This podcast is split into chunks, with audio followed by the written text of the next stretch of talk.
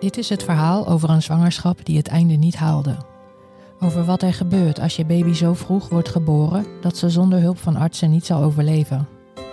Het gaat over de baby's die vechten voor hun leven en over de ouders die zich staande moeten houden in alle emoties. Over verwachtingen die niet uitkomen en over de periode erna.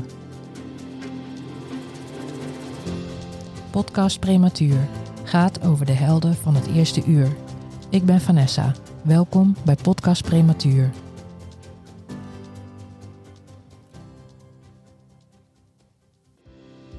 Op advies heeft hij mij het wc gehaald. Hij zat blijkbaar niet wetender, dat wist ik op dat moment niet, nog helemaal volledig in placenta en in de vruchtzak. Dus hij heeft hem er uh, ja, uit de wc gehaald. In een, in een zak moest hij hem stoppen, zeg maar tot het hoofdje. En het hoofdje moest hij afdekken met een handdoek of warm houden en ja, het bij zich houden. Toen de ambulance er twaalf minuten later was, hebben ze hem eigenlijk gelijk overgenomen en eigenlijk was hij er al op dat moment niet meer. Dus ze hebben hem inderdaad geïntubeerd, uh, gereanimeerd. Als we voor het eerst net zwanger zijn, hebben we allemaal een bepaalde verwachting van de kraamtijd en het moederschap. Waarschijnlijk is dat een romantisch beeld van een gezonde, rozige baby op je borst met de kraamverzorgster en familie om je heen. Zeker als uitslagen van de vlokkentest, vruchtwaterpunctie en of NIP-test negatief terugkomen. Het geeft groen licht op de ontvangst van een gezonde baby. Ik weet bijna zeker dat geen moeder verwacht dat haar kindje prematuur geboren zal worden. Want wie wijst je na die test nou nog op de mogelijkheid op een vroeggeboorte? En als wel, weet je wat het dan precies inhoudt? Mijn gast van vandaag weet wat dat inhoudt. Haar jongste zoon is geboren met 27 weken. Loes weet ook wat het inhoudt om een kindje te krijgen met een verstandelijke beperking. Haar romantische rozige bubbel werd snel lek geprikt na de bevalling van haar eerste zoon Lars. Lars is 7 jaar oud, met verstandelijke vermogens van een kindje van 12 maanden. Loes kreeg na Lars een op tijd geboren kindje Noah en twee jaar daarna beval ze geheel onverwachts op de meest ongemakkelijke plek van zoontje Nout, met 27 weken. Ik ben benieuwd naar haar ervaringen, verwachtingen en wijsheden. Hier is Loes. Hoe was je gezinssituatie toen jij zwanger werd van Nout? Um, ik was, uh, wij waren ouders van uh, twee jongens, Lars en, uh, en Noah. En eigenlijk allebei A-term geboren. Dus eigenlijk was mm. er gewoon ja, een prima kans op een normale zwangerschap. Mm. En niet zozeer een, een, zwangerschap die we in eerste instantie hadden gedacht, maar wel gepland. Mm. Omdat voor Noah inderdaad, zoals je in de inleiding vertelt, voor zijn oudere broer Lars toch fijn zou zijn als je een speelmaatje, kameraadjes hebben voor thuis. -hmm. Toen was het eigenlijk heel, ja, op, op Lars na vrij vrij en relaxed. Mm. Ondanks Lars zijn beperkingen. Mm Maar we deelden daarmee en dat gaat, gaat gewoon goed. Ja. En je hebt natuurlijk al eerder meegemaakt dat verwachtingen niet altijd waar worden gemaakt. Um, welke verwachtingen had je bij je derde zwangerschap? Um, nou, ik denk bij mijn eerste twee zwangerschappen waren vrij in de zwangerschap onbezorgd. Dus daar had ik eigenlijk op dat moment ook niet. Uh, de eerste zwangerschap was sowieso onbezorgd. Tot uh, na een x aantal maanden uh, bekend bleek dat Lars een beperking heeft. Hmm. bij Noah, die gewoon A-term geboren werd, hadden we de eerste week van de zwangerschap wel de angst. Tot de vlokkentest uitwees dat er inderdaad geen afwijking was.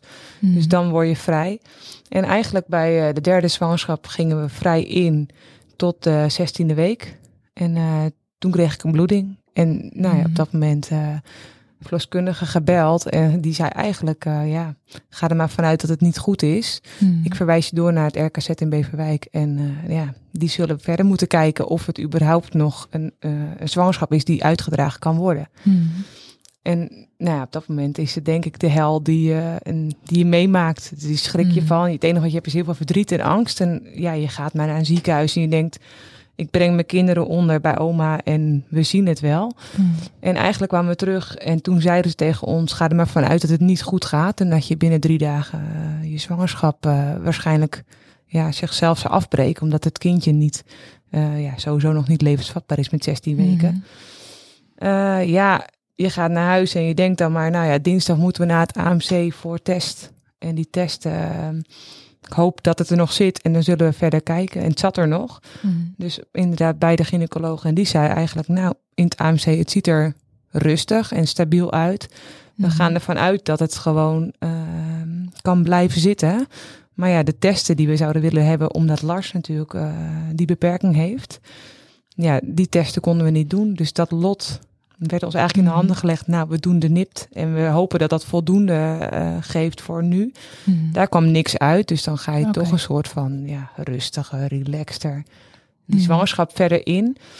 Met het advies, stop met werken, bel je werk en stop. Want dat Mhm. kan niet. Doe rustig aan en we hopen dat het hè, de tijd zou uitdragen. Dat heb ik gedaan.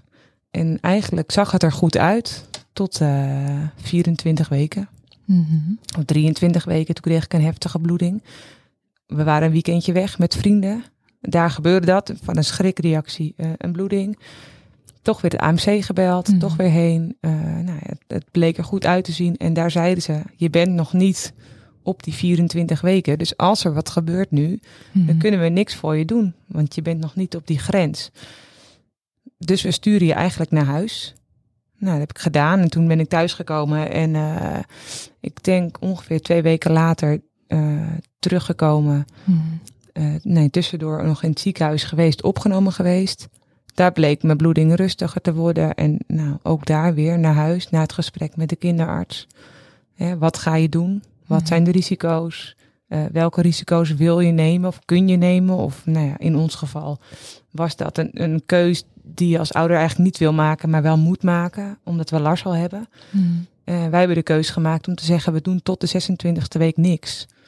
Dus als het kindje wel geboren zou worden in die, Mhm. die weken daarvoor, dan geen actief beleid.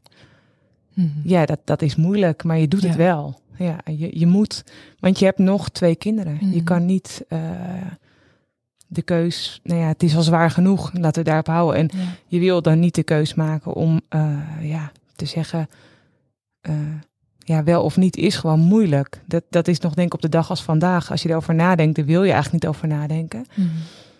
Maar Nout heeft, tegen, eh, ja, die heeft gedacht, oké, na 26 weken ga je wel wat doen. Dus met 27 weken, zo zie ik dat altijd maar een beetje.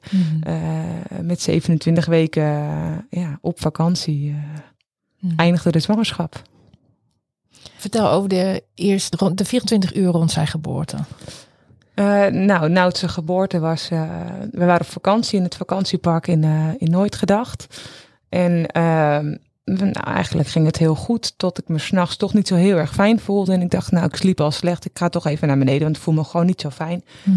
En ja, ik hou het heel huis wakker. Dus ik dacht, nou, ik ga even op, op de bank. Ga wel even tv kijken of iets tussen drie uur in de nacht. Maar goed, Mhm. iets in mij zei, ga even naar beneden. Dus ik ben naar beneden gegaan en denk kleine tien minuten later dacht ik, jeetje, ik moet naar de wc. Ik voel me toch eigenlijk, nou ja, ik ga naar de wc. Ik voel me niet helemaal top. Nooit gedacht dat daar natuurlijk een, eh, iets zou gebeuren eh, op het toilet. Maar ik voelde in één keer, ja, als je dat al twee keer hebt meegemaakt, dan voel je dat je lijf iets doet wat niet hoort als je normaal gesproken naar de wc gaat. Mhm. Dus ik heb heel hard naar boven gegild. Mhm. eh, in de hoop dat, dat mijn man me zou horen. Want ik dacht, ja, Mhm. iemand moet mij helpen, want het gaat niet goed. Ja. En eh, die, die slaapt normaal als een blok, maar heeft me gehoord. Ja. En die, die dacht, oké, ik ga naar beneden. Mhm. Dus die sprint naar beneden. En ik zeg eigenlijk op dat moment, bel, bel 112, want het gaat niet goed. Mhm. En die heeft gedacht, oh mijn telefoon, dus die is weer naar boven gerend, telefoon gepakt. En op het Mhm. moment dat hij naar beneden rent, voel ik eigenlijk al dat Nout eh, eigenlijk geboren wordt op het toilet. In de, eigenlijk in het toilet. Top. Eh, nou ja, het eerste wat je dan doet, eh, ja, je hebt 112 aan de lijn en eh, die ga je adviezen geven en eh, goed bedoelde adviezen, dat is eerste. Mhm. Maar niet altijd adviezen die je nodig hebt of eigenlijk moet horen. Want ze zeiden bij, eh, hou hem warm, haal hem uit de wc. Dat is natuurlijk iets wat je, nou ja, ik heb op de grond gelegen, want ik moest liggen. Dus ik lag op de, in het gangetje. Mhm. En ehm, op het moment dat, dat Robert daar, mijn man heet Robert, dat hij beneden stond, dus bij de wc, zei hij eigenlijk tegen mij, ik durf het niet. Wat ik heel goed begrijp, want had ik het gedurfd, ik weet het ook niet. Dus het enige wat ik eigenlijk tegen hem heb gezegd, is alles wat je doet, is goed. Ja. Want meer kun je toch niet doen. Mhm. Hè? Dus nou, uit, op advies heeft hij mij de wc gehaald. Hij zat blijkbaar nog helemaal volledig in placenta en in de vruchtzak. Dus hij heeft hem er eh, ja, uit de wc gehaald. In een, in een zak moest hij hem stoppen, zeg maar tot het hoofdje. En het hoofdje moest hij afdekken met een handdoek of warm houden. En ja, het bij zich houden. En hij zei op een gegeven moment, en toen zeiden ze van ja, ehm, kun je de navelstrengen uh, afbinden? En uh, ja, jeetje, ik zie geen navelstreng. Ik, heb hem net in een, ik moest hem net inpakken, ik heb hem ingepakt, maar ik zie geen navelstreng. Moet ik hem nu weer uit die zak gaan halen? Is dat nou echt wat je zegt aan de telefoon? En uh, op dat moment ben ik zelf nog opgestaan. te bizar voor woorden. Ik ben opgestaan en ik ben op zoek gegaan naar iets om naar het af te binden. Tot ik mezelf realiseerde dat heel Nout niet meer bij mij was. Dus dat het hele babytje of mele, mele als moeder zijn, dan kan je natuurlijk niet opstaan en zes meter door een huis wandelen. Dat is sowieso eigenlijk bizar dat ik het heb gedaan. Mm -hmm. Toch een soort van adrenaline, uh, of adrenaline zeg ja. maar, dat je dat doet en dat je dan toch denkt, nou ja. En op het moment dat je dat realiseert, zeg ik tegen, tegen Robert, je, er is geen navelstreng, je kan het niet afbinden. Dus mm. alsjeblieft, hou hem in die zak. Mm. En hij zei alleen maar, ik zie het leven eruit gaan, het gaat niet goed. En toen zei ik, ja, als het zo is, dan hebben we ons best gedaan. Dan meer kun je niet doen. En warm houden en bij je houden tot de deur wel gaat of eigenlijk de deur opengezet. Ik weet het eigenlijk niet eens meer. En dat de politie eigenlijk binnenkomt en die zegt alleen maar tegen ons, uh, ze komen eraan. We kunnen niet veel voor jullie betekenen, maar ze mm. komen eraan. En uh, ja, op dat moment gebeurt er iets wat je niet voor mogelijk houdt. Ik lag op de grond. Ik had het eigenlijk op dat moment niet eens zo koud tot die deur open ging. En dacht, oh, ik lig je eigenlijk helemaal zo op de grond, op een stenen vloer. Niet warm. Of hmm. uh, ik zei alleen tegen die agent, u kunt wel wat voor mij doen. Ik moet mijn telefoon hebben, die ligt daar. Die lag beneden, dus ik, ging, ik wil mijn ouders bellen. Hmm. Die waren gemakshalve dichtbij in de buurt op vakantie gegaan. Omdat ze dachten, helpen we ze hè, met die andere twee hmm. kinderen. En er was eigenlijk een geluk bij een ongeluk. En uh, ik heb mijn ouders gebeld en die zijn eigenlijk direct gekomen. Die waren zeven kilometer verderop. Die zijn gekomen mm. toen de ambulance er twaalf minuten later was. Hebben ze hem eigenlijk gelijk overgenomen en eigenlijk was hij er al op dat moment niet meer. Mm. Dus ze hebben hem inderdaad geïntubeerd, uh, gereanimeerd. ik heb dat niet gezien, want ik lag zelf laag. Ja, en uiteindelijk kwam de, inderdaad de, de, de arts naar me toe en die zegt gefeliciteerd met je zoon. Mm. Ik dacht alleen maar ja, dat kan niet goed gaan. Hoe, hoe kan dit nou? Uh, ja, hoe kan dit nou überhaupt een kindje zijn wat, het nog, wat er nog is? Dus ik mm. geloofde daar ook eigenlijk niet zo heel erg in. En ik heb alleen maar heel erg gezegd, ik kan er niks aan doen. Nee, natuurlijk kan je daar niks aan doen als het je gebeurt. Dan mm-hmm. kun je daar ook niks aan doen. Dat is gewoon iets, ja, blijkbaar heeft er iets verkeerd gezeten in de zwangerschap.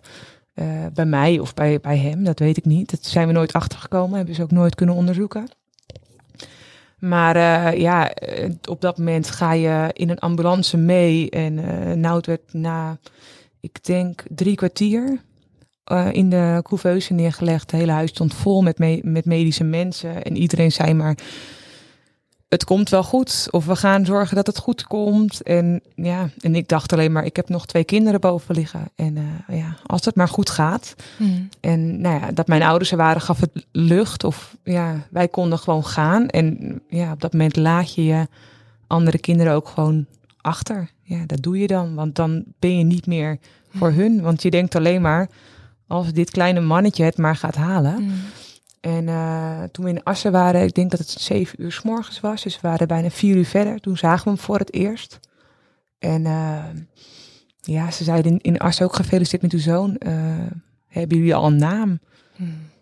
Nee, nee, we hebben nog niet direct een naam. Weet je, hoe, hoe moet je een naam bedenken voor iemand die je nog niet kent of niet gezien hebt? Mm Want dat is natuurlijk wel, als het zo vroeg komt, mm. ja, dat je daar geen besef van hebt. Mm. Dus nou ja, uiteindelijk uh, hebben we hem gezien en toen we hem zagen, zei ik wel, toen hadden we eigenlijk allebei het, het gevoel van, oké, het moet een nout worden. Het is een stoer mannetje, het is een sterk mannetje. Ondanks dat hij net onder de ja, slangetjes, beademingen, we zagen hem eigenlijk amper, want het was natuurlijk mhm. zo klein. Um, en ik heb alleen maar gezegd, hoe bizar. Dit is gewoon te bizar. Dit kan eigenlijk niet wat hier mm. gebeurt. Nee. Want je weet niet, je kent dat niet hè, in het ziekenhuis. Je weet mm. helemaal niet hoe dat eruit ziet. Of, uh, nee. Nou ja, toen is hij naar Groningen overgebracht toen hij stabiel genoeg was. Hij is in Groningen ehm, opgenomen voor uh, ongeveer twaalf dagen uiteindelijk. En daar hebben ze hem uh, um, ja, aan de trilbeademing gelegd om hem uh, in de eerste opstart daar goed door te warmen. En daar leek het goed te doen. Dus dat was positief. Hmm. Nou ja, ja, je denkt dat elke, uit elke spranghoop haal je maar weer positiviteit. En ja, de eerste, eerste de lijnen in zijn, eh, ja, alle infuusjes, eh, nou, ontelbare slangetjes, draadjes, spaghetti slieren, zoals ze dat daar noemen. Mm. Eh, ja, ja, Mm. te bizar. En je Ja. kijkt alleen maar en je denkt, ja, dit is, dit is ons kind. Mm. En je houdt gelijk van het kind. Dat is het eerste wat je denkt. En op het moment dat het leeft, dan denk je ook, nou moet je wel blijven leven. Nou moet je er wel bij blijven, want anders dan Mhm. is het denk ik nog, ja, in mijn beleving zou dat nog zwaarder zijn. Want dan heb je hem gezien en dan is hij bij je en dan denk je, ja, het is echt, ja, en het bellen naar mijn broers vond ik heel moeilijk. En mijn zusje. Mm. Ja, je familie inlichten. We waren zelf Ja. heel ver weg. Wij wonen natuurlijk niet eh, in de buurt van Groningen. Mm. Dus we waren, de, ja, we waren echt eh, ver weg van onze naasten. En dat was wel eh, moeilijk. Mm. Dat maakte ook wel het afscheid moeilijk dat mijn ouders weggingen met onze andere twee kinderen. Ja. Dat maakte eigenlijk een stukje beladen, maar ook een stukje rust. Omdat je daar wel met z'n tweeën bent. Dus je bent echt met z'n tweeën. Je, eh, je bent echt op elkaar aangewezen. En eh, ja, we lagen in, in Groningen op een, eh, op een kamer, helaas wel met nog een stel. Mm. En ja, ik wilde heel graag voeding geven voor mijn kind. Dus het eerste wat ik dacht, gewoon, nou, die, die moet gewoon kolven, want dat moet op gang. Mm. Ik weet niet, dat denk je gewoon. Je wil hem helpen, je wil zo hè, de goede voeding aan hem geven. Mm. En dan, eh, ja, dan ga je maar gewoon, ja, wat is gewoon? Kolven. eh, je bent niet meer zo erg bezig met de rest van de wereld. Dat staat eigenlijk gewoon, ja, jij staat stil en de rest gaat wel door. Mm. Maar dat heb je eigenlijk helemaal niet door. Dus die eerste 24 uur, die gaan als een soort van waas. Ja, ik Mhm. denk een soort van waas. Uiteindelijk, ja, de dag gaat gewoon door. Ja, en dan kom je bij het feit, moet je je kind aangeven? Waar moet ik mijn kind dan aangeven? We hebben hem nog niet erkend, wij zijn niet getrouwd. Mm. Erkennen stond gepland drie dagen na zijn geboorte in onze eigen gemeente. Mm. Ja, gemeentehuis bellen. Zaken waar je eigenlijk helemaal niet mee Ja. bezig wil houden, maar waar je dus wel als ouder op dat moment inderdaad mee moet bezighouden. Ja. Het gaat eigenlijk nergens over. Mm. Ja. En werd er nog wel een beetje voor jou gezorgd? Hoe was jij er fysiek aan toe? Ehm, Want het was een placenta loslating, Ja. zoals ik... ja, er is een algehele placenta loslating is het geweest. En gelukkig ehm, merkte ik eigenlijk gelijk wel op het moment dat hij geboren is, eh, dat ik dacht, oh, ik voel me eigenlijk gewoon, ja, ik durf het bijna nooit zeggen, maar opgelucht. Ik was opgelucht dat de soort van de zwangerschap klaar was, want ik zat er niet lekker in. Mhm. Het was natuurlijk al, al zeg ik, 13 weken ehm, eh, angst Ja. dat het fout zou gaan. Eh, nou, dus er zat heel veel spanning al in die zwangerschap. Dus ik was een soort van opgelucht op het moment dat het gebeurde. Mm. Ehm, en daarna krijg je eigenlijk pas de, de, de stress of dat je denkt, oh ja, maar nu is hij er wel en eh, gaat het nu wel goed? En ja, doordat ik mezelf wel vrij snel oké voelde, Mhm. zijn we wel ook vrij snel eh, naar het Ronald McDonald huis ver, eh, verkast. Mhm. Zijn we, eerst zouden we dat bij dag vier al doen. En toen heb ik zelf aangegeven, het gaat me te snel. Mm.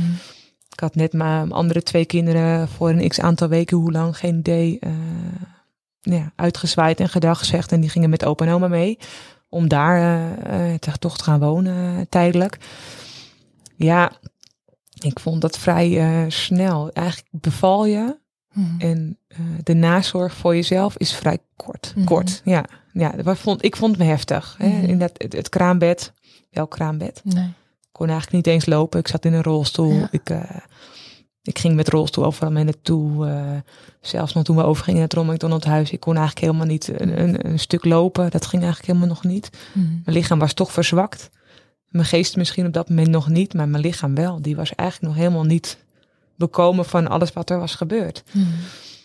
Dus toen heb ik wel aangegeven, ik wil niet nu al, eh, kan het niet een dag later. Dat we nog Mhm. heel even wennen aan het feit dat, je, dat hij hier is en dat wij ergens anders slapen. En dat je al, hè, in Groningen is het al de afdeling waar je ligt, is al een verdieping lager. Dus hij, dat was al een, een laag. En om dan ook nog eens helemaal weg te gaan, vond ik heftig. Ja, Mm. maar ja, we hebben het wel gedaan. Mm. Ja. En hoe deed Nout het in eh, Groningen? Nou, eigenlijk, eigenlijk best wel goed. Hij deed eh, de voeding, eh, kon hij redelijk hebben. Eh, daar hebben ze redelijk op kunnen bouwen met een milliliter per keer. En hij, ja, hij lag daar stabiel. Het was ook wel een, eh, een rustige, rustige plek. Mm. Het was, eh, ja, hij ging al vrij snel eigenlijk naar de CPAP. Mhm. En vanaf de CPAP ging je eigenlijk al, ik denk na twee of drie dagen lag je aan de snor. Dus Mhm. nou, toen dacht ik, echt, dit is een, een wonder. Een wondertje dat dit überhaupt eh, hè, zo goed gaat. En eh, Mhm. wel eh, een bloedtransfusie. eigenlijk de eerste, in die 24 uur heeft hij de eerste bloedtransfusie al gekregen. Mhm. Eh, dat, dat, dat deed hij goed. En nou, met dat, dat moment denk je ook van, nou ja, oké, als dit allemaal stabiel blijft en dit is dan zeg maar de lijn die je verwacht, dan, nou dan, ja, wat moet je verwachten? Dan denk je maar, nou, we blijven positief. Zo zijn we ook, zo staan we in het leven. We zijn positief ingesteld. Mhm. Eh, gesprek gehad met maatschappelijk werken, eh, ook op de afdeling. En ehm, ja, die zeggen wel tegen je van nou, hè, wat, je, wat is je verwachting? Wanneer denk je dat je naar huis kan met je kind? Want dat vragen ze aan je. Mhm. En eh, ja, ik heb geen idee. Mhm. Toen zeiden ze, nou vaak is het na de 40 weken of tegen de 40 weken aan. Dus dan krijg je een soort van eh, tijdsplanning in je hoofd. En eh, nou, we hopen, wij lagen in Groningen, wij komen uit Castricum. Dus wij hoopten wel dat we dat nou snel stabiel genoeg zou zijn om eh, de overdracht te kunnen maken naar Amsterdam. Zodat we wel dichter bij huis kwamen. Mhm. Maar ja, alle NICU's lagen vol. Mhm. Dus ja, die overstap toen was moeilijk. Maar op donderdag 4 juli eh, was wel eindelijk de, de overstap naar Amsterdam. Dus we waren eigenlijk helemaal voorbereid. En eh, had hij een slechte nacht gehad. Oh. Ja, met veel dips, veel, Mhm. eh, veel eh, ja, dat ze twijfelden. Kan hij wel naar Amsterdam? Kan hij die reis wel? Eh, ja, Mhm.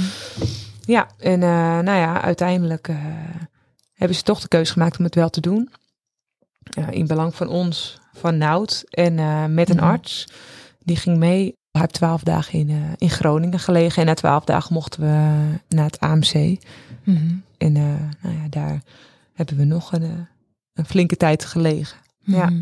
Ja. En hoe lang heeft hij in het AMC gelegen? Ehm, nou, daar heeft hij 4,5, eh bijna vijf weken heeft hij op het AMC gelegen. Je bent eigenlijk zo gewend hoe het dan in Groningen gaat. Hè? Je, Mhm. je hebt daar dan met hem mogen buidelen. Dus je bent een soort van gewend hoe het in Groningen gaat.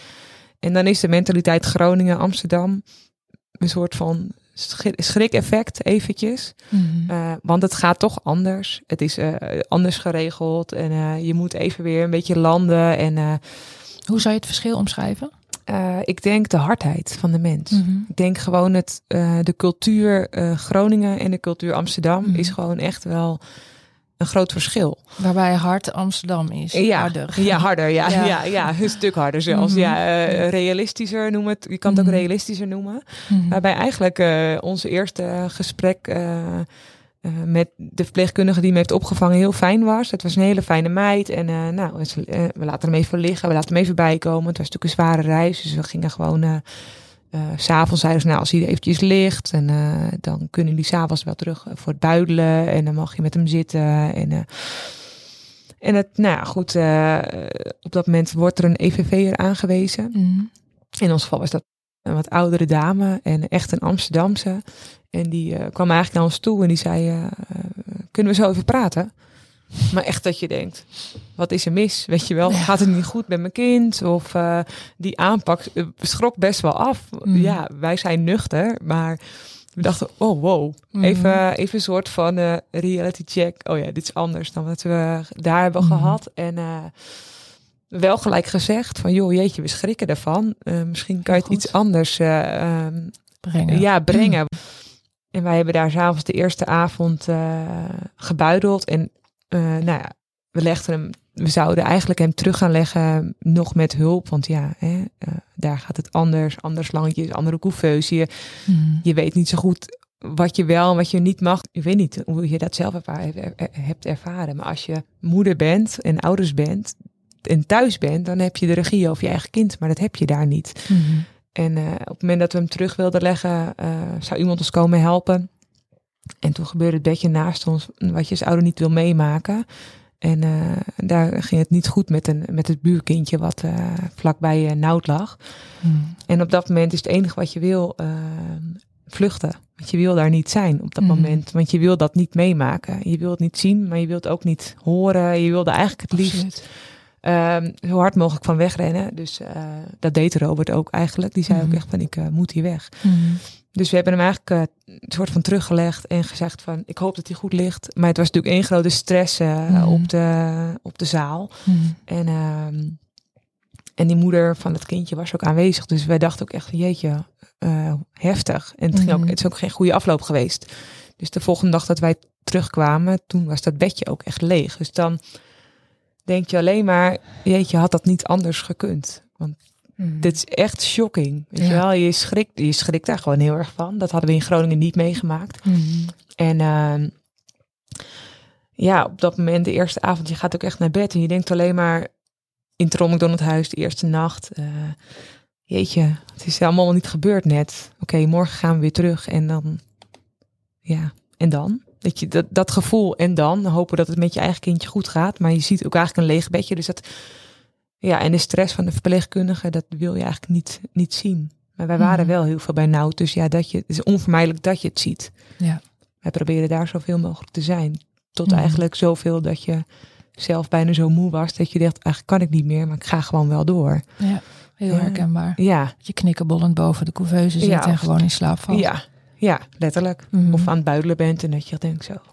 Ik, eh, ja, en die stoelen daar zijn niet echt, eh ze zacht Ja, gezegd. eh, Ze zijn niet, eh, hoe noem je, zwangere vrouwenproef Eh, nee. of ex-zwangere vrouwen. nee, zeker niet. Nee. Nee, en, bedoel, eh, ga na een zadel, eh, kruk of wieltjes ja, voor Vreselijk vrouwen voor de- die net zijn bevallen. ja, dat kan toch niet? Dan wel natuurlijk, dan wel via een keizersnee. Ik bedoel, hebben we het over. Ja, niet Is, zijn dit de middeleeuwen? Nou, zo voelde dat echt. Ja, dat je dan twee uur op een tuinstoel zit. Ik wil Eh, zeggen, daar hebben we het nog niet over die tuinstoel. Ja, gebroken. ja. Na vijf weken ben je gewoon eigenlijk gebroken. En denk je alleen maar, oh mijn, als het nog niet langer duurt. Ik, eh, je, hebt er bijna, je ziet er bijna tegenop om met je kind te willen zitten, omdat het gewoon niet fijn zit. Doet het voor je kind, Precies. maar het zit Maar je voor mag hem jezelf. niet terugweg, terugleggen na 10 minuten, want het Nee. is te belastend voor ja, het kindje. ja, dat kan niet. Hè, je moet eh, de dips nog niet meegenomen als je al met hem ligt te buidelen. Of hè, de momenten dat je denkt, eh, kom op, niet wegzakken nu, Precies. weet je. Dat, ja, die momenten van angst, dat je inderdaad dan zit en dat je dan denkt, komt er nog iemand kijken als het niet goed gaat. Mm. Ja, dat je wel eens de opmerking krijgt, rustig maar. Dat ik denk, ja, rustig. Mm. Iets anders benaderen zou soms fijn zijn. Mhm. Ja, in, eh, in sommige, ja, in sommige gevallen vond ik wel dat, ja, hoe, hoe, hoe goed ze hun werk ook doen, Ja. tactisch naar ouders toe niet altijd heel erg eh, Mm. fantastisch was. Zeg maar, ja, Mm. moeilijk. Soms vond ik dat lastig. Lastig om er ook goed op te reageren. Dat je wel dacht, oh ja, jullie doen het met de beste bedoelingen, maar is het... eh, Mhm. Ja, het kind is belangrijk, uiteraard. Maar er zijn ook nog twee ouders die daarbij horen. En die hebben ook zorg nodig. Het kan niet eh, alleen maar om het... Ja, het kind is natuurlijk het allerbelangrijkste, maar je hoort er wel bij. Mm. Jij bent niet een, eh, ja, een standbeeld die daar zit. Mhm. Of, eh, ja, en, en dingen die gebeuren. eh, als je kindje wegzakt. Of, of, of als je denkt, oh, hij loopt blauw aan. en nu? Of eh hè, zijn hele hartslag loopt. Ja, en dat je, en mag je hem op een gegeven moment slingerde bij hem aan. Dat zeiden, nee, nee, moet je niet doen. Mm. Hij moet het zelf doen. En hoe voel je je dan? Ja, machteloos. En boos. Want je wordt daar Ja. boos over. Want je denkt, ja, moet het, zelf doen. kind. Potverdorie, Ik inderdaad. laat hem niet wegzakken. Nee, ik ga, dat heb ik al twee keer gezien. Ik ga het toch niet nog een keer doen. Mm. Ja, dat gevoel van, van dat je inderdaad denkt, ja, maar ho ho. Mm. En, en op het moment dat ze dat ook tegen je zeggen, dat je, je wordt gewoon boos. Ja, ik denk vooral als je lang ligt, hè, eh, net als jullie zoontje, dat je als je een lange tijd ergens bent, dan word je ook een soort van, op een gegeven moment voel je je een beetje één met het meubilair. Ja, als je ergens Mhm. lang bent, dan, dan denk je, je kent op een gegeven moment misschien wel je kind beter dan de verpleegkundige die op dat moment voor je kind gaat zorgen. Tuurlijk. Want jij ik weet- let niet op een ander kind. Nee, nee, ik ben alleen maar met, met mijn eigen zoon bezig. En, of met, Mhm. met je eigen kind. En ja, die, ehm, eh, die overgang van eh, het, het weggaan en het dan weer overlaten aan een ander. Terwijl op zich de zorg voor je kind zelf overnemen, dat werd wel redelijk eh, gedaan. Dat, hè, dat mocht je vrij wel zelf Mhm. doen. In het begin wel terughoudend. En ik denk dat het ook wel een beetje de, eh, nog de slangetjes en de dingetjes. Ik denk, ja, hij heeft nog zoveel infuusjes en zoveel uh, beademings. Leg ik hem wel goed terug? zit het nog Mhm. wel, het snorretje nog wel goed? Zit ze, zijn siep nog wel goed erop? zakt hij weg? als ik hem terugleg, leggen we hem wel helemaal goed terug. En dat is eigenlijk iets wat je als ouder op dat moment niet moet denken. Want alles wat je doet voor je kind, dat voel je Mhm. zelf wel goed aan. Dus als we ergens iets van hebben geleerd in die periode, is wel uh, dat je goed moet luisteren naar jezelf. Want jij weet het zelf eigenlijk op dat moment wel. Mhm. Ook al uh, doet een ander het misschien anders, maar je bent gewoon op dat moment toch, ja. Uh, wij, dat was ons derde kindje, dus voor ons was dat niet allemaal meer nieuw, een luier Mhm. of een, het, het, hele kleine wel. Hè? Dat, dat, dat hele fragiele, dat is in het begin heel eng. Mhm. En uh, hoe, de, hoe je daarmee moet omgaan, ja, dat moet je leren. Dat is wel iets wat je. Maar meer eigen regie of meer, ja, meer toch je eigen plek. Uh, want de ruimte is uh, zeer beperkt toen. Mhm. Ik weet niet. Uh, Nog steeds. Ja, het is echt. Nou, wij, wij lagen in een hoekplek. En als Mhm. we ons. We hadden allebei, beide kanten hadden we een uh, kindje naast ons liggen. Mhm. En nou, kon amper draaien en de stoel neerzetten. En ook nog hem eruit halen. En, Mhm. en alle slangetjes nog meenemen. En dan nog een beetje om die stoel heen gooien. En slot hebben we hem een kussen gevraagd. Mag er niet een hoofdkussen komen? Zodat ons hoofd, wij zijn vrij lang. Ja. Kunnen we ons hoofd tenminste goed kwijt? Mhm. Uh, hè? Uh, zitten Ja. we nog een soort van comfortabel. ja, middeleeuwen. Uh, ja, het is echt middeleeuws. Mhm. En uh, uiteindelijk kwam het bedje naast ons vrij. En toen hebben we ook wel gevraagd. Ja, mogen we alsje, alsjeblieft een plek opschuiven met hem. Want het is niet te doen zelfs de mensen die naast ons zaten, we zaten. Ja, je, je stelt je ook bloot als moeder zijn en als vader zijn. Want je Mhm. gaat ontbloot, ga je Letterlijk, toch ja. letterlijk hè, je kind buidelen. Mhm.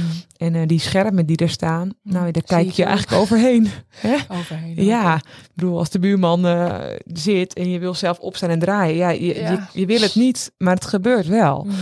En eh, dat stukje privacy, eh, dat vond ik in het begin eh, vooral wel echt een ding. En dan ook Mhm. nog kolven daartussendoor, want dat Ja. moest je ook nog doen op dat moment. Hè. Mhm. Als je er dan zat, nou had je daar wel, dat ben ik later wel gaan doen, gaan kolven in die familiekamer. Mhm.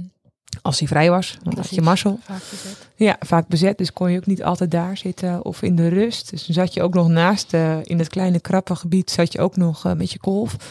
Ja, dan voel je je soms best wel, ja, letterlijk een beetje in een hoekje gezet of gedreven. Of... Maar ook niet serieus genomen, ja, toch? misschien is dat het wel, ja.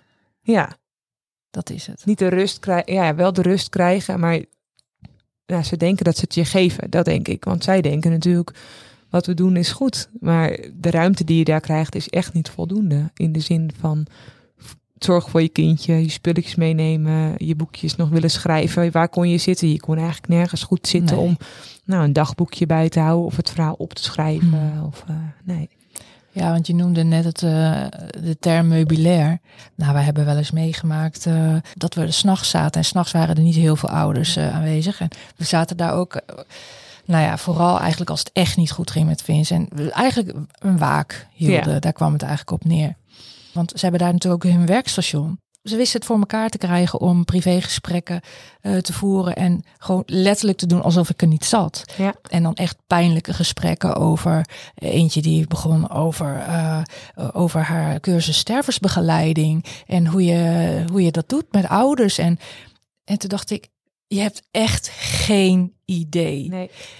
Het idee geven dat je een soort van, ja, inderdaad onzichtbaar bent. Terwijl Juist. je daar net bij je, nou, jouw kind gaat niet goed. Mhm. Hè? Dus je bent daar voor hem. En, en jij zit daar en hun zouden eigenlijk de zorg voor jou erbij moeten pakken. Hè? De, de ouderzorg, maar dat gebeurt niet. Mhm. Nee, dat heb ik wel gemerkt. Wij zaten er ook vaak s'avonds nog tot een uur of twaalf. Mhm. Soms half één. En dan eh, gingen we naar huis. Of nee, nee, naar huis, naar het Ron McDonald Mhm. huis. Hè, waar we dan eh, overnachten. We hebben wel zelf heel bewust gekozen. Want je had ook een camera eh, bij het bedje kunnen hebben. Mhm. Ik heb wel voor gekozen om dat niet te doen. Want ik dacht, als ik dat ook nog doe, slaap ik niet. Mhm. Dan ben ik alleen maar bezig met, gaat het goed? En Mhm. eh, ja, je bent s'nachts al wakker voor de kolf. Of eh, Ja, wat ik op een gegeven moment ook heb gelaten s'nachts. Omdat ik dacht, ik moet gewoon slapen. ik ook. Ja, weet je, hij dronk het toch niet op. Dus het was echt veel te veel. En ik dacht, ja, weet je, dan maar, ik moet gewoon slapen. Want anders hou je het niet vol. Mhm. Je weet nooit wanneer je, wanneer de reis eindigt. Hè, En wanneer en waar en eh, Mhm. hoe lang dat nog gaat duren, dat weet je niet. En je, je gaat gewoon, ja, je leeft op een soort van automatische piloot en je gaat gewoon door. Mhm. En eh, ja, wat daar, ja, wat daar besproken wordt, of inderdaad, inderdaad wat je zegt, een soort van klaslokaal idee, dat had het wel. Ja, vooral s'avonds. Alles klikte bij elkaar. Ik denk dat er een stuk of zes personen zaten of zo. Ja. Ik heb niet zelf wat jij mee hebt gemaakt, dat, dat heb ik niet gehoord. Mhm. Maar het lijkt me wel heel erg als dat gebeurt. En je Mhm. zit daar nachtenlang. Ik weet de eerste opmerking die wij kregen, hebben jullie een overlijdensrisicoverzekering? Dat ik echt dacht, waar heb je het over? Ja, ze zei ja, want een begrafenis is heel duur. Dat wij echt zeiden, nou sorry, maar daar, ga, daar gaan we niet over nadenken. Mhm. Hij, we hebben al eh, twee weken achter de rug en hij krabbelt best oké op. Moet, moet dit echt gezegd worden, weet je wel? Ze zei, ja, we moeten dat benoemen. Denk ik, ja, nou, ik had het liever niet gehoord. Eigenlijk, want wat moet ik ermee? Want het En- gaat wel in je hoofd zitten. Je denkt wel, oh jee, oké. En het eerste je denkt, het gaat dus niet goed met mijn kind. Natuurlijk. Als iemand dat zegt, dan denk je alleen denk je, oh ja, gaat ja, verkeerd. ja, dat is het Mhm. eerste wat je denkt. Ja. Maar hoe, hoe ging het verder met? Want jullie hebben best een aardige tijd nog eh, daar gezeten. Dus hij kwam eigenlijk met een flow over. Dus met eh, wel een CPAP onderweg vanuit Groningen. En toen kwam hij eigenlijk in, ook met een flow snor. Lag hij al in, eh, in Groningen. Dus dat hebben ze in het AMC ook gedaan. Met dat hij eh, overgebracht is, hebben ze hem gewoon op de flow snor gelegd. Omdat zo, hij zo ook kwam. Hij zat toen al op drie liter. Dus dan denk je, nou, is knap. Zo'n klein mannetje en dan zo weinig ondersteuning. Maar die reis bleek hem toch wel veel te hebben gedaan. Dus toen eh, hebben ze hem opgehoogd. En eh, op een moment zat hij op eh 8 liter. En eh, toen zeiden ze eigenlijk, ja, dit is de max van de snor. En hij trekt het niet. Dus eh, hij Mhm. gaat toch over naar de. CPAP.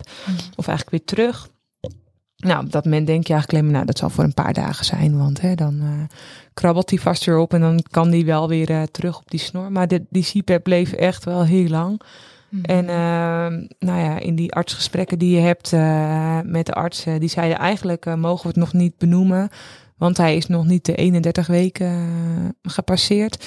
Ik denk dat hij toen een week of nou, tegen 30 weken aan zat. Maar we vermoeden wel dat hij BPD eh, ontwikkelt of heeft, of, want hij heeft het gewoon heel zwaar. Mhm. En ehm, we kunnen eigenlijk zijn beademing niet afbouwen.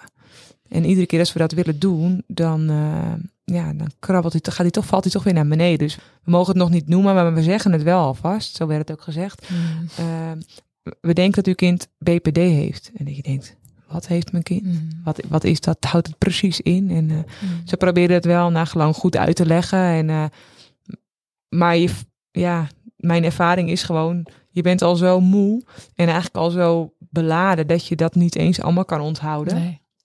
En het enige wat je denkt is, oh jee, eh, BPD 5, wat houdt dat dan in? En wat is dat dan precies? En wat zijn dan de gevolgen daarvan? En waar, waar moet je aan denken op het moment dat je hè, zo lang eh, zuurstof nodig hebt? En eh, is dat iets blijvends? Is dat, eh, maar goed, daar kunnen ze je ook geen antwoord op geven, want ze weten dat ook echt niet. Ze kunnen Mhm. daar niet op anticiperen. Het enige wat we hoorden was, we kunnen niet ze, ze, zuurstof naar beneden brengen. We kunnen dat niet afbouwen. Het moet echt, eh, ja, het gaat heel, heel langzaam. En eh, nou ja, je ziet zelf eh, de, de weken wel voorbij gaan. En je denkt, nou, we zijn nu bijna zoveel weken en we liggen al zo lang. En is er niet een keer een kans dat wel misschien, eh eh, hij, leek vrij stabiel. Af en toe, ja, wel drie keer in het AMC, moet ik het goed zeggen. Groningen 1 bloedtransfusie en ik denk vier in het AMC heeft hij gehad. Mhm. En eh, elke keer als hij zo'n transfusie kreeg, dan krabbelde hij ook echt op. Dat je Mhm. dacht, kijk, nu zie ik weer eh, een, een, een rode kleur in zijn lijf. Hij was niet meer grauw en Mhm.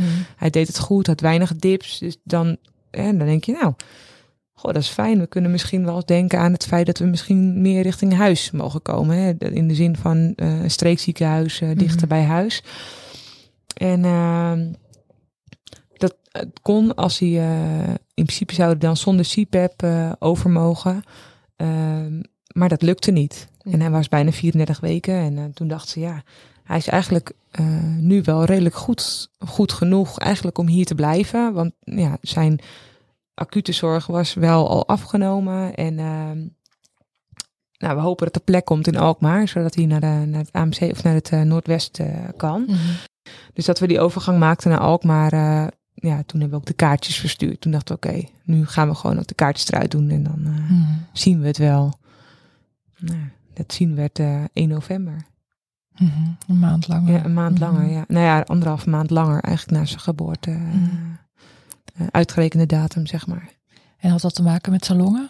Ja, hij heeft in, eh, in Alkmaar eh, lang, ook lang aan de CPAP gelegen. Ook een behoorlijke flow gehad. En eh Nout eh, had de pech om een virus op te lopen. Hij lag weer helemaal terug aan de toeters en bellen. En weer helemaal aan die eh, CPAP. En weer aan de beademing. En weer aan de, dat je echt dacht, nou gaan we weer opnieuw. Mijn nichtje werd geboren die dag. In een fantastische zwangerschap. En Mhm. eigenlijk eh, niks aan de hand. Op dat moment sta je s'avonds boven het bedje van je eigen kind. En denk je alleen maar... Nou, ik kon alleen maar huilen. Ik dacht alleen maar... Mhm. Waarom, waarom gebeurt ons dit nou allemaal, Mhm. weet je wel? Mag het nu niet stoppen? We hebben het nu al zwaar genoeg gehad. Is het niet Mhm. eens tijd dat we een beetje de berg opgaan en dat we niet meer eraf glijden? Dat we Mhm. gewoon de berg opklimmen en blijven klimmen. En dat we niet iedere keer weer vijf stappen terug moeten doen. Mhm.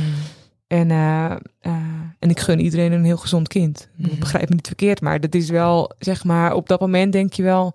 Het Kan is je niet eerlijker verdelen? ja, ik, ik zei ook, ik heb ook letterlijk gezegd, het is gewoon niet eerlijk. Ja, het is, ja, ik heb het letterlijk gezegd. En ja, eh, we zijn wel gewoon gelijk de volgende dag bij mijn broer langs gegaan om op visite te gaan. Hè? Dat, ja, Mhm. ik heb het opgebracht. En Ja. eh, ik heb er zelf vastgehouden, ook dat nog. Dus Ja. eh, het voelde heel dubbel. Ja. En, eh, maar ik dacht wel, ja, weet je, ik moet ook blij zijn voor mijn broer. Want die heeft ook gewoon een, een, een tweede kind gekregen. Die, ja, moet je ook blij voor zijn. Het was voor hun heel dubbel, maar het was voor ons natuurlijk ook... Mhm. ja, hun vonden dat moeilijk. En wij, ja, andersom. ja, hebben er wel flink wat tranen boven het bedje gegaan. En dat ik dacht, nou, kom op Nout. Nou moet je wel even erbij blijven hoor. Niet iedere keer eh ertussenuit willen glippen. Want dat gevoel gaf hij ons elke keer. Dan krabbelde hij op en dan woep, gingen we weer opnieuw. En eh, dat gevoel dat je iedere keer denkt, we zijn er bijna. En weer weg laten zakken, dat is heel vermoeiend. Mhm. Ja, heel, vond ik heel heftig. Zes dagen voordat uh, Nout uh, geboren werd, is Huub geboren, mijn neefje. En uh, ik ben heel blij dat Huub uh, eerder is geboren, want uh, het was voor hun de eerste. En mijn mm. gevoel was heel erg um, dat ik me schuldig voelde over het feit dat onze zoon um, de blijdschap of het ja, geluk, ik weet niet hoe je dat moet zeggen, maar het heel erg overschaduwd heeft, omdat hij ja, Huub was natuurlijk een hele, is een hele gezonde baby geweest en het ging allemaal mm. goed. En mijn ouders maakten zich natuurlijk heel erg zorgen om mij en om, om, om mijn man mm. en om mijn kind. En dat ik dacht, ja jeetje, maar hun zijn ook ouders geworden. Mm. En het voor hun hun eerste. En dat is heel bijzonder. Ja. En uh, ja, dat heb ik, heb het ook tegen haar gezegd. Dat ik het heel erg, dat ik het niet, ik kan daar niks aan doen. Ik heb het mezelf niet kwalijk kunnen nemen, want ik kan er ook niks aan doen. Uh, maar het stukje overschaduwt dat je hun het uh, stukje kraam, kraamtijd of onbezorgdheid of uh, ja, dat gevoel dat je dat ze af hebt genomen, dat is zeg maar, vond ik heel hard. En misschien ook wel bitterzoet. Hoe heeft deze hele heftige tijd de relatie tussen jou en je man beïnvloed? Het heeft ons alleen maar sterker gemaakt. Mm -hmm. uh, de, de band die wij hebben is al sterk, uh, vooral nadat onze eerste zoon natuurlijk Lars uh, geboren is. Wij leven met de dag en wij zeggen altijd dingen komen zoals ze komen en dingen gaan zoals mm -hmm. ze gaan. Hij heeft een tijd niet gewerkt omdat het niet kon. Mm -hmm. Ook zijn werk is zeer coulant geweest. Kon het echt samen doen. We waren samen in het AMC. Hij hoefde niet naar zijn werk. En op het moment dat we eigenlijk mm. pas naar Alkmaar gingen, die overstap even hebben gemaakt, is hij pas weer halve dagen, drie keer in de week, dus niet eens volledig, uh, pas weer gaan werken. Ja, het heeft ons sterker gemaakt. Het mm. heeft ons dichter bij elkaar gebracht. We hebben het ook echt samen meegemaakt. We hebben ook echt wel gezegd tegen elkaar, uh, wat kunnen wij rustig blijven eigenlijk in zulke situaties. Terwijl echt de paniek normaal de overhand zou nemen, waren we allebei echt zo rustig. Mm. We praten er ook heel veel over. En nog steeds. Eigenlijk is het soms nog steeds onderwerp van gesprek. Dat je wel zegt tegen elkaar, jeetje, echt bizar en bijzonder dat...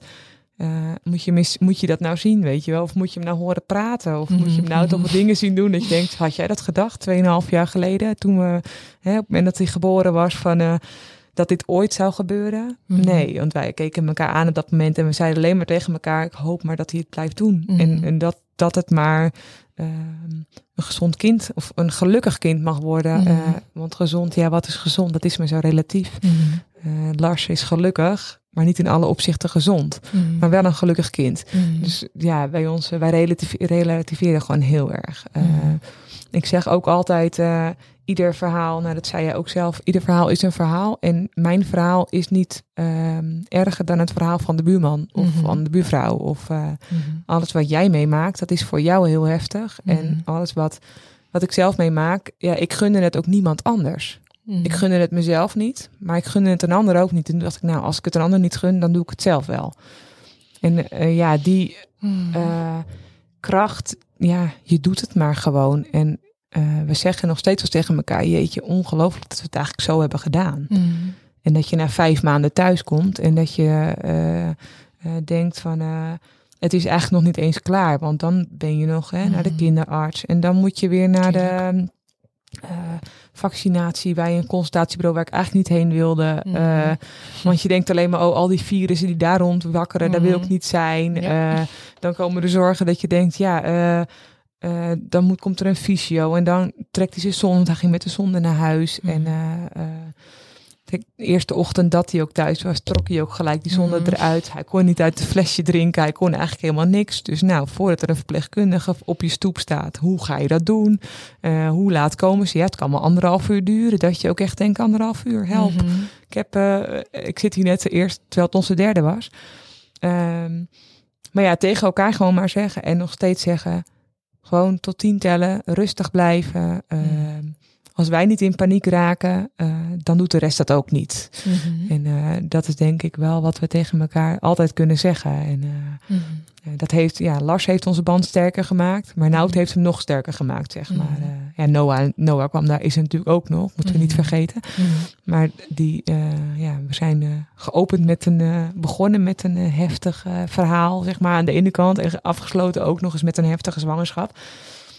Maar ja, en, en het realiseren, wat ik zelf niet heb gerealiseerd, wat ik eh, laatst heb meegemaakt, is dat je niet realiseert wat een ander ehm, voelt op het moment dat de zwangerschap of dat je zelf.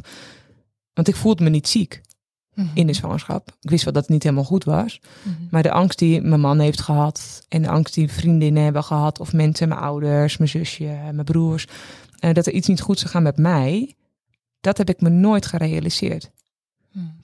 En tot eigenlijk op het moment dat hij geboren was, ik mensen spreek en die zeggen, het had met jou, dat heb ik me wel gerealiseerd, ik had zelf ook een onderdoor kunnen gaan, want als die placenta niet goed was losgelaten in het vakantiepark, dan had ik hier helemaal niet meer gezeten. Mhm. En die angst heeft wel een hele tijd eh, de overhand gehad. De les leert wel dat je, als je het laat gaan zoals het gaat, dan komt het zoals het komt. Mhm. Ja, dat zijn wel de. Zo staan we ook nu ook echt wel in het leven. Mhm. Ja. Ja, dus dat maakt je samen sterk.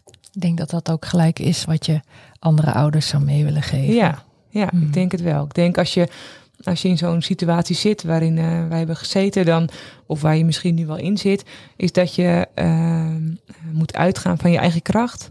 Mhm. En, ehm, en probeer je positiviteit voorop te zetten. Ook al is het soms moeilijk en ben je heel moe. Het enige wat je, wat je kan doen is, eh, is eh, ja, niet denken aan gisteren, maar denken aan wat er nog komen kan gaan, wat er nog kan komen. En eh, ja, het komt zoals het komt en het gaat zoals het gaat. Mhm. En soms is het zoals het is. Dat is, ja, Mhm. dat is wel de motto die wij nu hebben. Ja. Mooi. Ik spreek veel verschillende moeders over de vroeggeboorte van hun kindje. Over hun werk, relaties, gevoelens. Eigenlijk krijg ik een klein kijkje in hun belevingswereld. Ik heb met open mond en klapperende oren naar Loes verhaal geluisterd. Natuurlijk door haar bizarre bevalling, de heftige ziekenhuistijd van Nout. Dat ze haar andere twee kinderen tijdelijk bij oma en opa moest laten wonen. Maar ik werd ook getroffen door de gedachte: wauw, dit gezin krijgt wel veel op het bordje. Zoals Loes zegt, het was al zwaar genoeg met een kindje met een geestelijke beperking. En hoe goed gaan Loes en haar man met deze nieuwe situatie om? Ze steunen elkaar geweldig en ze zijn zo nuchter en genieten van kleine dingen die daardoor juist groot worden. Er kwam een gedachte in me op. Zou het zo zijn dat mensen zoveel voor de kiezer krijgen als ze aankunnen?